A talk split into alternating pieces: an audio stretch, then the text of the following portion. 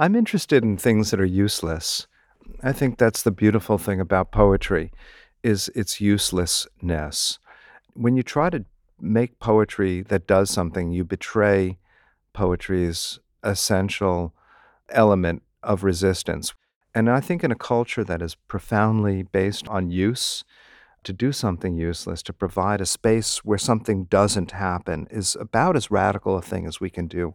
And I think that's why a lot of poetry that, that purports to be useful, social justice poetry, is ridiculous. I believe in social justice, and I believe there is good ways to do social justice. Poetry is not one of them.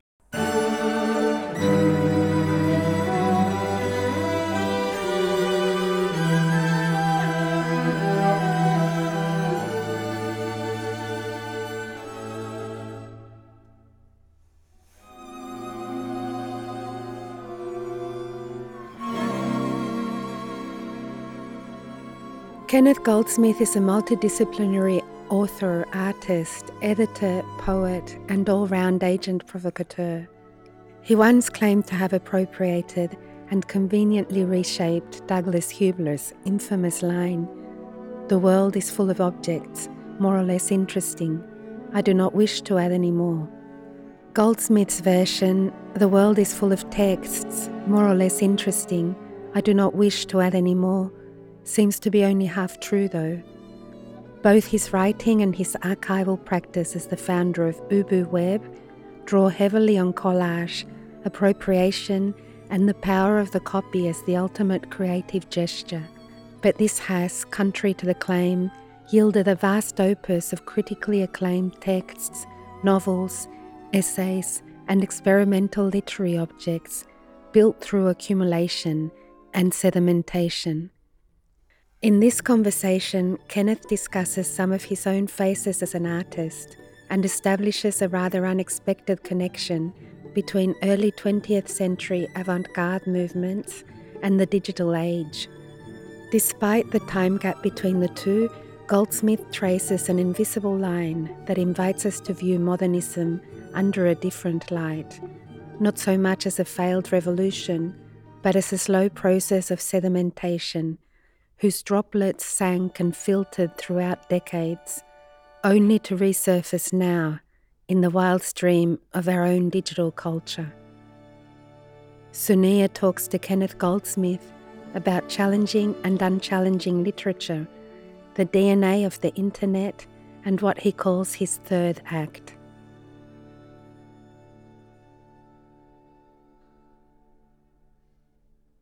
One of the things I've been thinking about a lot are the connections between modernism and the digital.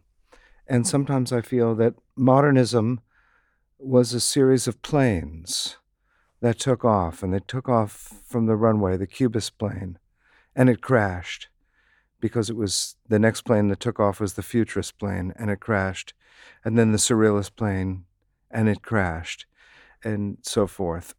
That's how we always thought of the 20th century was a bunch of plane crashes in terms of modernism. But what if those planes didn't crash and actually each of them took off and are now finding their full flight in the 21st century? And I really love to think of that. I think that the DNA of the internet is modernism. And I don't think it's spoken about too often, but it is haunted by the specter of modernism. The web is nothing but surrealism. I mean, the sort of uh, walking dream state that we're in when we're walking down the street with our devices. We're sort of here physically and we're somewhere else mentally, which is often the way that surrealism proposed uh, mental states was a divided state between states. So I think that is kind of what's happening now. People are very disturbed. You're saying you're not here. But in fact, I don't know if we've ever really been here. And a lot of this is responding to criticism of um, the idea of looking at our engagement with our devices and the web as being somehow really bad. And they say, you know, how come you're not able to be present anymore? I think one of the problems with the theorization of the web as it is is that it's trying to create something unified out of an interface which, by its nature, is extremely fractured. So if I think about that, I think about, well, what else has been really fractured that made me understand fracture? And I think of, say, cubism. I think about the fractured surfaces of cubism. And the fact that we're on a desktop and we have 16 windows open at one time is, in a sense, like a cubist perspective on the desktop. I mean, we do many things all at the same time. Some of them are heavy, some of them are serious, and some of them are very trivial, and usually they're happening at the same time. And so I'm really interested in, even on our desktop, when we're staring in front of a computer, the notion of division, of the space being shattered, and also of our mental state being shattered. I think one of the problems that people do is that they try to unify our experience when, in fact, the whole nature of the digital experience is shattered. Uh, so I think in that way, that's one way in which the DNA of the web is is extremely modernist. And if we can theorize it through that lens, I think we might actually be able to feel better about it. I think there was a truth that surrealism and cubism was saying about contemporary life that it was not singular, that in fact was shattered and multiple. And I think that made people understand uh, and come to terms with something instead of some bizarre ideal of wholeness and unity.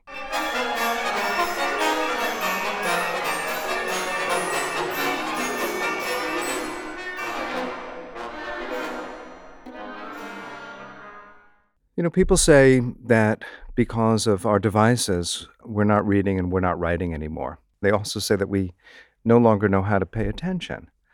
But I think that we're reading and we're writing more than we have in a generation. As a matter of fact, all we're doing is reading and writing, uh, except we are reading and writing in a different form, in a shorter form on our devices all we're doing is when we SMS is we write, and all we do when we SMS is we read, and all we do when we post on Facebook is write, and all we do when we scroll through our Facebook feed is read, and all we do on Twitter is write, and when we scroll through our Twitter feed, all we do is read.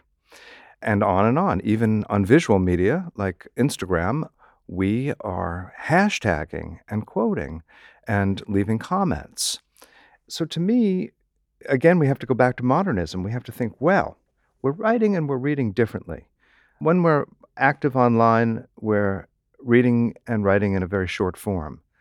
Well, you think of Hemingway, who wrote his great six word novel, For Sale Baby Shoes Never Worn. Okay? And that was that's less than 140 characters, okay? And it's a really a, you know, a novel that I think changed the world or the anarchist and journalist Felix Fénéon, who wrote his three line novellas in newspapers, very short fillers in newspapers that have now been collected and are viewed as, as short form. So I think like what we've seen often in modernism is compression from extremely long forms of language to very short, beginning with, let's say, the telegraph and the newspaper headline. And now we have the Twitter feed. The Twitter feed, in its own way, is Oulipian. It's a constraint based writing. Now they say there's 280 characters, but let's say there's 140 characters as they were. Everybody says, okay, I will write according to that constraint. It almost could sounds like an Oulipo constraint. Write 140 characters and no more. And now if it's 280, it's still a constraint based form. It's just a little bit longer with a little bit more play. Many people try to craft those little tweets very beautifully. You watch your character count go down and you take an and and you turn it into an ampersand and you take a, a word and you abbreviate it and you hone it and you whittle it down, you actually are crafting your writing so it fits into Twitter. Not all the time, of course. People are very lazy and very sloppy, but to me, that's very careful writing at its best. You know, there's there's lots that isn't. So the other thing is that you know people often say we're not paying attention anymore. We've lost our ability to pay attention. But when I look at people interacting with their devices, all I see is people paying attention. I've never seen people pay so much attention to anything as they are to their own devices that they're carrying around. Where that's we've got long attention span when it comes to social media. So I really don't understand that either. And furthermore, I do believe that we continue to read long form things, but not on our devices and not in front of a computer. I think it's a wrong place for it. When I want to read something that's very long, a long article, piece of journalism, I instapaper it and I read it when I have the time and when I have the space on a device that I can pay attention to, and I read it very closely. Beyond that, I've got more EPUBs of full length novels that go back centuries as well as contemporary things waiting to be read on my electronic devices. So there, I think there's a lot of harsh judgment going on on people with electronic devices, when in fact you really don't know what people are doing on electronic devices. And chances are we're doing everything at once the frivolous and the very serious. Beyond that, in the digital age, when all language, and I've said this for many years, is able to be copied and pasted, then the writer's task is a different task. And no longer do we need to write our own words. We can reuse other people's words, reuse pre existing documents, claim them as our own, remix them, change them. You know, I often think what would have happened if the internet was built with an interface that couldn't be copied? That would be interesting. Then I, I, I, wouldn't have anything to say anymore. My whole theory is predicated on the very basic and very stupid idea of copy and paste. And I think, again, it's so profound and so revolutionary that we don't even recognize it. It's simply uh, something that we do. But that's also the problem with all of the things that we're doing is that we are doing them and we're not recognizing them. We're not theorizing them. We're not thinking about them but we're emotionally having knee jerk reaction to them and we're feeling mostly bad about it. And I think it's really, you know, I think we're going to have to get over this at some point, though I can't imagine as a culture we're going to. I think a little bit of theory, again, will help us feel better.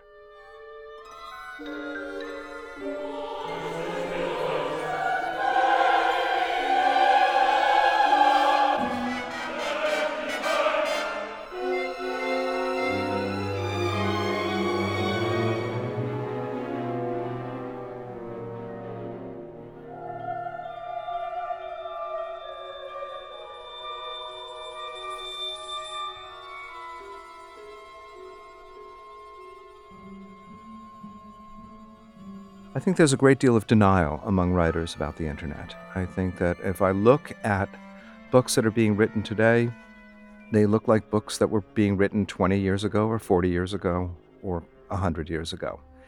And the writing process itself has changed quite a bit. I mean, when my Microsoft Word program crashes, I get all sorts of things like ghost files and recovered documents and strange glitches, you know, that never make it into our books. I look uh, how how come the process of writing on a digital format never makes it into the books that I buy in the airport? I'd love to see a crime thriller that has a glitch in it, you know, and it goes back to a title of a of an essay that I like very much that was written in the 1990s by a digital theorist called Matthew Fuller, and it says Microsoft Word. It looks like you're writing a letter. You know, most people treat it like you're writing a letter on a typewriter. Uh, when in fact, when you're writing something on Microsoft Word, what you're doing is entering an ecology of the copy. There are backup files being made, ghost files being made, recovery files being made. And then if I take that Microsoft Word document and I send it to you, then my outbox makes a copy of it, another copy of it in my outbox, and then your inbox makes a copy of it. And then when you open that thing up in your Microsoft Word document, it begins to make more and more and more replications of that thing. And should a Microsoft Word document go out to a listserv or a large group of people, then this thing starts replicating like mushrooms in the fall after a rain. And I, you know, again, to me, yes, you are writing, but you're also doing a lot more than writing. And I've been saying this for years, and it hasn't not been true anymore. But it hasn't been acknowledged by writers. I mean, writers are, are, are, somehow wedded to, to telling a good story. And, you know, I look at language in the books that are being written and sold, you know, and even things that are winning the Man Booker Prize and things that are, are considered to be literary fiction, and they just strike me as, they strike me as uncreative, as formulaic. You know, they strike me as, as so basic they're written on a level, you know, as if modernism never happened. And I think that's a weird thing. I think it's an erasure of modernism. And people, I've heard this before, think, wow, what if modernism was a mistake? Now, you see that in music. You know, I mean, modernism, 12 tone music, atonal music was, was basically in error, according to most people. It's not used. The only time you hear any strain of Schoenberg is in horror films, is when they use 12 tone music. Okay, scary, the scary sounds are the ones that are out of key. So, you know, I think we're getting to a place where it almost feels like modernism never existed. I was in China many years ago and I was giving a paper about conceptual writing and uncreative writing, and an elderly woman raises her hand after the lecture in the back of the room and says, But Professor Goldsmith, you never discussed your relationship to Longfellow. And I'm thinking, wow, Longfellow. Well, I happen to happen to think Longfellow's okay, but it's really a pre-modern thing that that doesn't have much influence on myself. But I think somehow coming from China, where in many ways modernism didn't happen, she is trying to connect it to romanticism. And when I look at much contemporary Chinese art, I actually see a great deal of nature and romanticism and organic ideas, as opposed to the sort of stuff that I'm interested in, which is grids and Bauhaus and hyper logic and hyper abstraction. Sometimes when I look at contemporary art from China, I don't recognize it as being art because it's not filtered through the ideology of the Bauhaus. By the way, this is not a problem with Chinese art, it's a problem with my framing. Maybe I need to open up my framing to something else. It's my limitation, certainly not the art of China. But I think it comes from a very different place.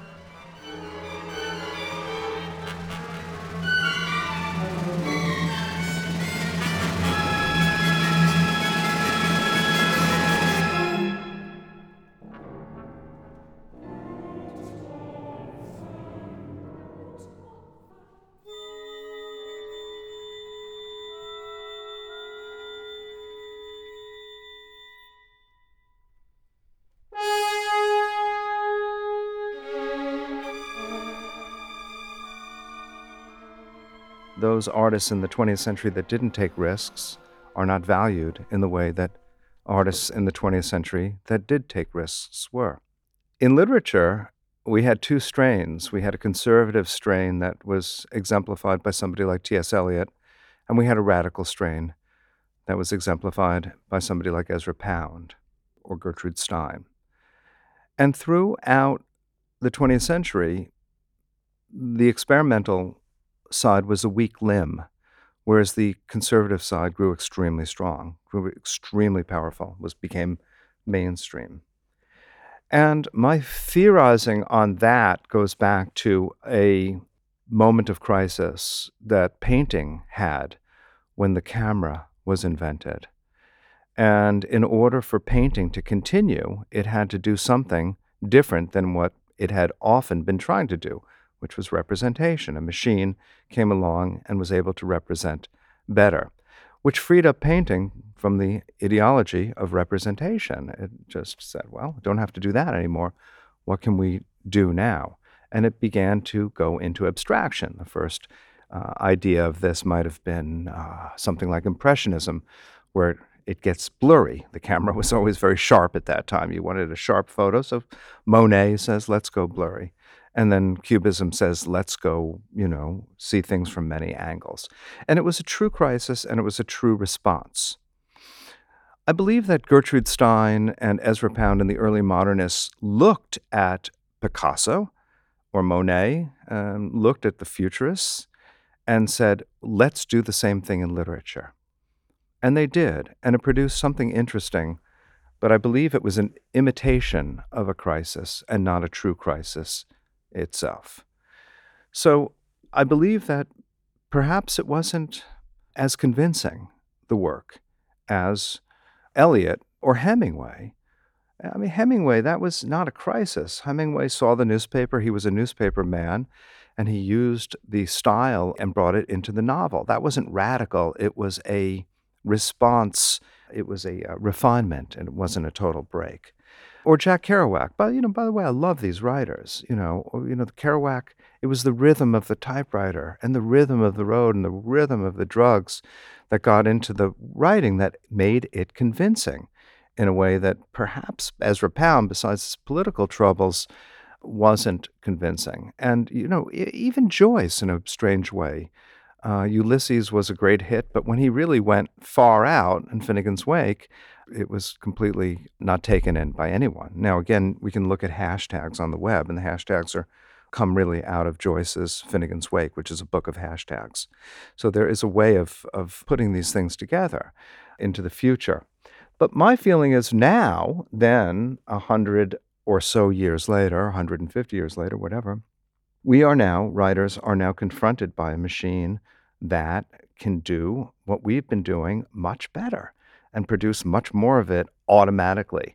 But instead of going abstract, I believe that the writing becomes mimetic and distributed.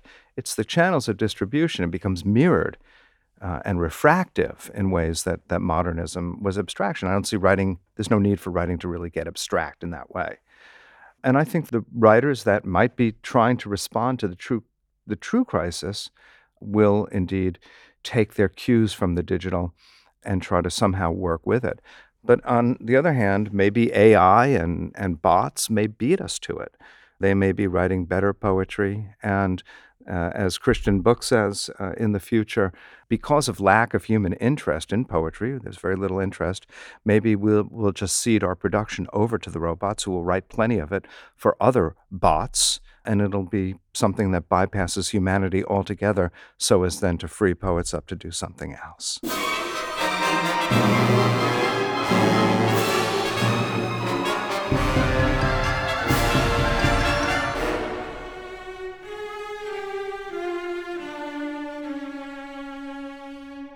I think also, though, to answer another part of your question, is that why? Uh, why is this? I think that language is very fragile. Language is very delicate. It is the means by which we communicate. It is the basis of everything. It's the basis of our law, and it's the basis of our love, our financial system, our trading, our commerce, capitalism, and communism, socialism. I mean, it's really the basis of everything. And people get really nervous. I believe this is another reason why mild abstraction took in the 20th century rather than radical abstraction and disjunction. And beyond that, because it's a replicative system on the internet, people are copying other people's words all the time. All I receive in emails is my own text quoted back to me and the prior emails in a very, very long chain being quoted back to me. We must, as writers, begin to acknowledge that the language that we use is not always going to be our own. And there was a funny thing that happened with Melania Trump who gave a speech that was very similar to uh, the words that Michelle Obama used. And I'm thinking about that. And I'm thinking that the speechwriter for uh, Melania Trump probably had a lot of words that she was cutting and pasting into a Microsoft Word document. And when you take somebody else's words and you put it into your own Microsoft Word document and it's in your own font, it really does become yours because it's within your framework, within your context, within your font. It looks like yours, it feels like yours, and in a sense, it really is yours. And I have a feeling that this speechwriter, this woman, hadn't realized where those words had come from because those words were pretty bland and they were pretty generic. And quite frankly, there was something that any speechwriter would have written themselves, and they fell into that speech. I don't want to be an apologist for Melania Trump, but I actually don't think this about Melania Trump. I think it's about the apparatus of writing at this point. We don't know which words are ours. And I think the idea of claiming one's words as one's own is incredibly problematic because even a document, for example, as you brought up, the document of the autopsy of Michael Brown, I mean, who was the author of that text? I'd like to know who actually wrote that text. Did the coroner himself write it? Did the cor- and how was it written? Was it dictated? And what were the words that were used to describe that body? And why were those specific words chosen? It, you know, clearly there was some kind of incipient expression in the language that was chosen because it is a human describing the body of another human, although in restrictive and medical language. So, to me, on the very basic level, a document like that is riddled with authorial subjectivity. Okay, this is not an objective document. No documents are objective, and I, I really have trouble with that idea. And then moving out a little bit further, who made the form of the autopsy? What is the authorship of the form? Where is that written? And, and, and, and how was that formulated? And moving out a little bit further, what laws were written that formulated the writing of the terms of the autopsy? And moving out a little bit further, what political ideologies were constructing the laws that wrote the document? And moving out even a little bit further, we can talk about industrial and military complexes that created larger ideologies. So when you, you tell me it's a multi author text, as all documents are. And I think the problem is that we don't want to admit that. We have we tend to think of our writing the way that a seventh grader tends to think of their writing, writing a story, expressing their When in fact, it's I think accountability is impossible because I think everything is authored by everyone. So I call appropriation literary communism. I think rather than criminalizing it, I say, why don't we look at all language being a shared language? Because uh, after all, all language is a shared language. We work with an Oulipian constraint of 26 letters, and we keep combining old forms of words and language in new ways, and we keep sharing them. And when we're done with them, they're available for anyone to use again. I see. I'm yeah. I'm a literary communist uh, when it comes to appropriation, and I think it's looking at the reality of the situation rather than the uh, idealized the or the infantilized notion of what writing is. So to me, it's a it's very very complex. But nobody wants to deal with these complexities. We want expression. We want emotion. We want, and uh, to me, that cuts everything short. I'm a formalist. Uh, I'm I'm an anti-humanist. Uh, I'm a rationalist, and I like to see structures and systems rather than quick emotional takes. Because actually, I find structures and systems to be extremely emotional. We can't get away from emotion. We can't get away from content. Language is nothing but content that then converts to emotion. I can't think of a word that wouldn't incite some type of emotion in me. Writers try too hard. Language, by its nature, is emotional. So let's back off a little bit and let it do its work.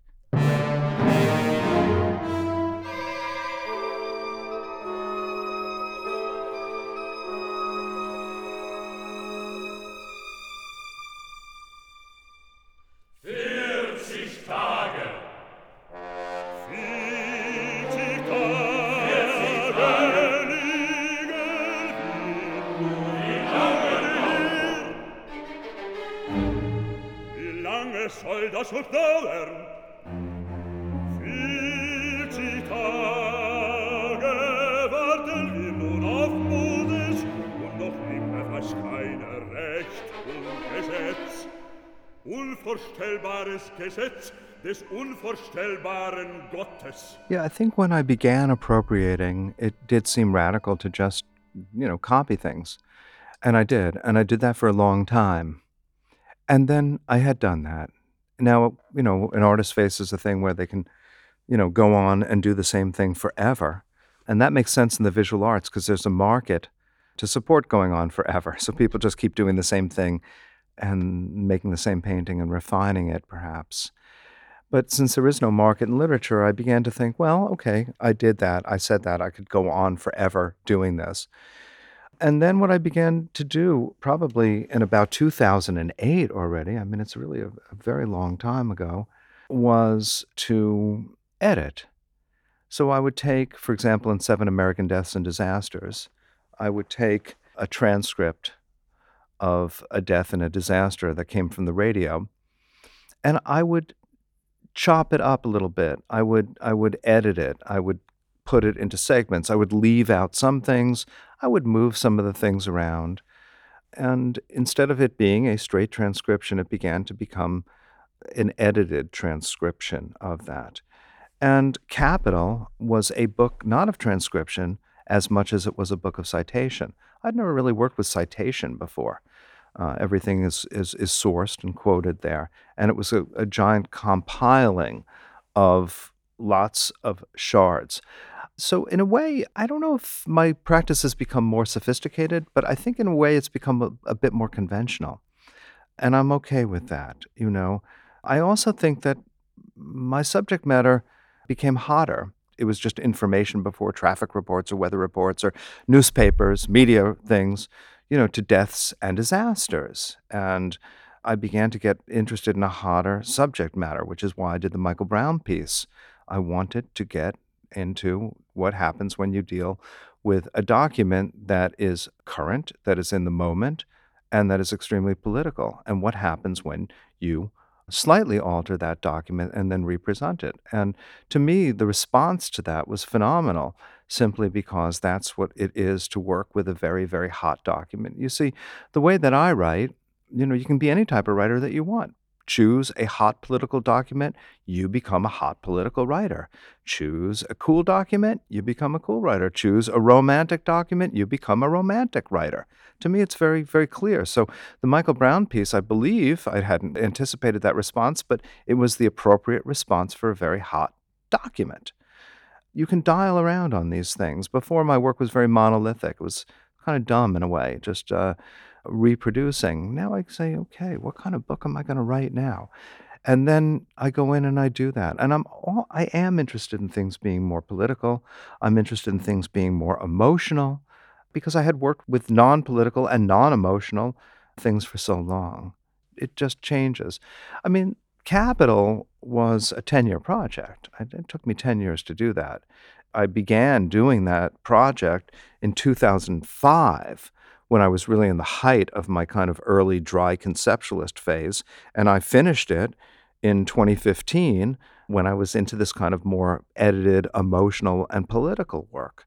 And to me, you know, it bridges both. To me, that book is just the most emotional book. I mean, I can't pick up that book without crying. And I don't like reading from it because I often cry when I read it. Now, how is that possible that I can cry from a book that I basically didn't write a single word of, and yet I wrote every word? Because it was my autobiography. That's where I'm from. That book is all about me. It's all about the things I love most in the world and the place that I come from.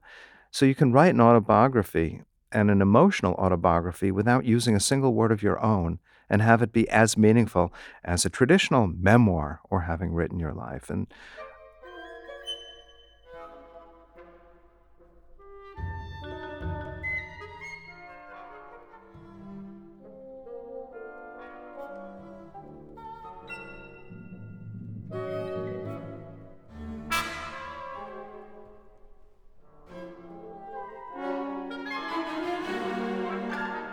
I loved writing Wasting Time on the Internet.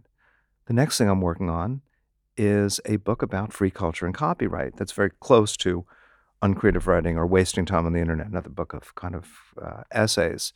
Because I've been doing UbuWeb for 22 years now, and I have a lot of stories, and I have a lot of things to talk about that I haven't really written about yet. And I have a contract to write that book. So that's the thing I'm going to be doing now. And the other thing that I'm doing now is I'm doing a funny book. There's a series where they've invited certain authors to annotate classical texts. You choose a text from a list and they send you proofs and you scribble on the margins. And I chose Wittgenstein's Tractatus and I'm having so much fun with that because I'm turning it into sort of a uh, Asger Jorn Debord Book of Memories, that beautiful collaboration. And I'm starting to draw all over it. I'm just loving it so much. I'm beginning to think like, wow, maybe I'll go back to being a visual artist in, in a way. And I'll kind of, you know, to me, it was very important when I was coming up. I was a visual artist for a long time. I was pretty successful showing in galleries doing that. And it led me into writing what I call poetry. And then I was a poet, very, you know, wasn't doing any more visual art for a long time.